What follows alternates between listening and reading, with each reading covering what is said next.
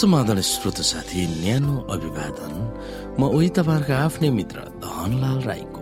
श्रोत साथी आज म तपाईँको बीचमा बाइबल सन्देश लिएर आएको छु। आजको बाइबल सन्देशको शीर्षक रहेको छ सारा संसारमा।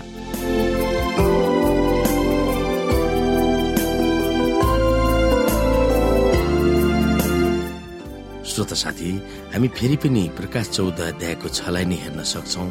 अनन्तको सुसमाचारको विस्तार कहाँसम्म छ? यसको जवाफले हामी सेभेन्थ एडभान्टेजहरूको लक्ष्यलाई बुझाउन किन महत्वपूर्ण छ? अनि अर्को स्वर्गदूतलाई मध्य आकाशमा उडिरहेको मैले देखेँ। पृथ्वीमा रहने हरेक जाति कुल भाषा र मानिसलाई घोषणा गर्ने अनन्त सुसमाचार तिनीसँग थियो। अन्तको समयको निम्ति जरुरी सन्देश तीन स्वर्गदूतहरूले दिएकोमा पहिलो स्वर्गदूतले दिएको अनन्तको सुसमाचार संसारका प्रत्येक राष्ट्र कुल वा जाति भाषा र मानिसलाई सुन्नै पर्दछ। यहाँ हाम्रो लक्ष्य महान फराकिलो ठुलो र संक्षेपमा छ कि हामी सबैले सजिलैसँग बुझ्न सक्दछौ। यो लक्ष्य पूरा गर्न हाम्रो उत्तम प्रयास र हामी पूरा समर्पितको माग गर्दछ। जसले गर्दा हामी यो संसारकै कामबाट अल्मलिने चाहनाबाट यसुको सेवा गर्न महित हुन लगाउँछ। हामी सागु र जीवनभन्दा फराकिलोतर्फ अगुवाई गर्दछ। हाम्रो दिमाग केवल हाम्रो सानो संसारमा मात्र डुबाउने नभएर परमेश्वरले तर्जुमा गर्नुभएको महान परिकल्पनातिर अग्रसर गराउँदछ। हामीले यहाँनिर मती अठाइस अध्यायलाई हेरौँ भने धेरै वर्षपछि योनाले देखेका र सुनेका पहिलो स्वर्गदूतको सन्देश यसुकै हो भनेर हामी कसरी पुष्टि गर्दछौँ? आउनु श्रोता हेरौँ यहाँनिर।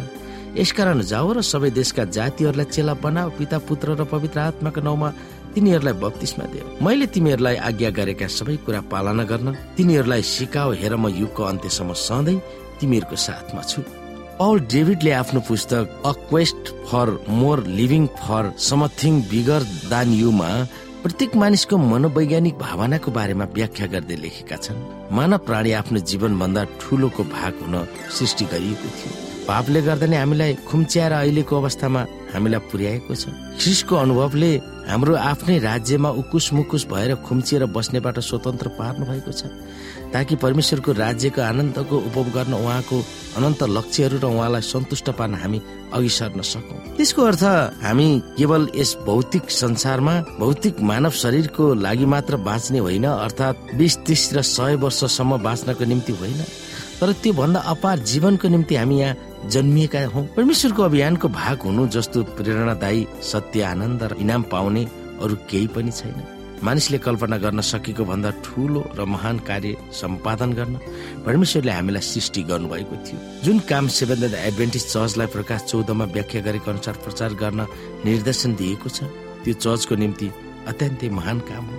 श्रीकृष्णको आगमन भन्दा पहिले प्रकट गरिएको परमेश्वरको अपार प्रेम प्रति लालायत भएर हाम्रो जीवन उहाँलाई सुम्पौ भनेर अथवा त्यस हेतुले त्यो आह्वान गरिएको हो। तब हामी आफूभन्दा ठुलो काममा सहभागी हुनुभएको अनुभव के छ हामीमा? यसले हामीले अहिले अध्ययन गरेको विषयलाई कसरी बुझाउँछौ? फेरि हाम्रै ब्रह्माण्डको सृष्टिकर्ताले हामीलाई प्रयोग गर्नु भएर जगतमै अनन्तसम्म असर पार्ने जस्तो महान काम अरू के हुन सक्छ? ती विषयमा हामी हेर्न सक्छौ। श्रोत साथी हामी अहिले यस्तो संसारमा खुम्चिरहेका छौँ कि दायाँ बायाँ कुनै पनि किसिमले चलहल गर्न सक्दैनौँ। हामीलाई पापले थिचेको छ।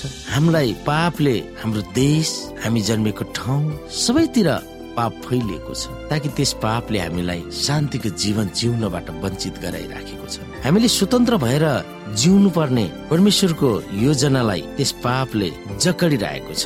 उहाँका आनन्दको उपभोग गर्न उहाँको अनन्त लक्ष्यहरूमा हामी सन्तुष्ट हुनको निम्ति हामीलाई पापले छेकिरहेको छ। त भनौ आज त झन् हामीलाई मती अठाइस अध्यायमा भने अनुसार देशका जातिहरूलाई सबै मानिसहरूलाई चेला बनाउने कुराहरू र पिता र पुत्र पवित्र आत्माको नाउँमा बत्तिसमा दिने कुराहरूमा पनि छेकबार आइरहेको छ। हामीलाई ती कुरा परमेश्वरले दिनुभएको छ। त्यो आज्ञा हामीलाई हाम्रो बीचमा राख्नु भएको छ र हामी सारा संसारमा गएर मानिसहरूको निम्ति प्रचारित हुनु पर्दछ मानिसलाई प्रचार गर्न पर्दछ परमेश्वरको सत्य सन्देशलाई मानिसको बीचमा लिएर जानु पर्दछ र यी सबै कुराको लागि हाम्रा प्रार्थनाको जरुरी हुनेछ। हामी प्रार्थना गरौँ। परमेश्वरको महान राज्यको निम्ति पहिलो स्वर्गदूतको सन्देशको भनाइलाई हामी पालना गरौँ। संसारका प्रत्येक कुल भाषा जाति मानिसलाई सुनाउने हाम्रो लक्ष्य हामीले फराकिलो पार्दै लैजानु पर्दछ यो लक्ष्य पूरा गर्न हाम्रो उत्तम प्रयास र हामी पूरा रूपमा उहाँमा समर्पित हुनुपर्दछ। यसले गर्दा हामी संसारकै कामबाट अल्मलिने चाहनाबाट हामीले भन्यौं यसुको सेवा गर्न मोहित हुन सक्दछौ। हाम्रो साँगुरो जीवनभन्दा फराकिलो जीवनतर्फ हामी हाम्रो जीवनलाई अगुवाई गर्न चाहन्छौँ। हामीले हाम्रो दिमागलाई सानो संसारमा मात्र होइन परमेश्वरको महान कार्यमा अथवा उहाँले तर्जुमा गर्नुभएको महान परिकल्पनातिर हामीले हाम्रो जीवनलाई अग्रसर गराउनु पर्दछ त्यसो भयो भने परमेश्वरको आशिष हाम्रो जीवनमा हुँदछ।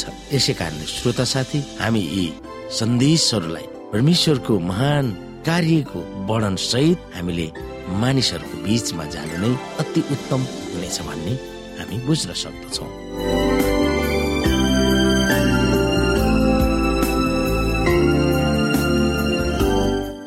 श्रोत साथी आजको लागि बाइबल सन्देश यति नै।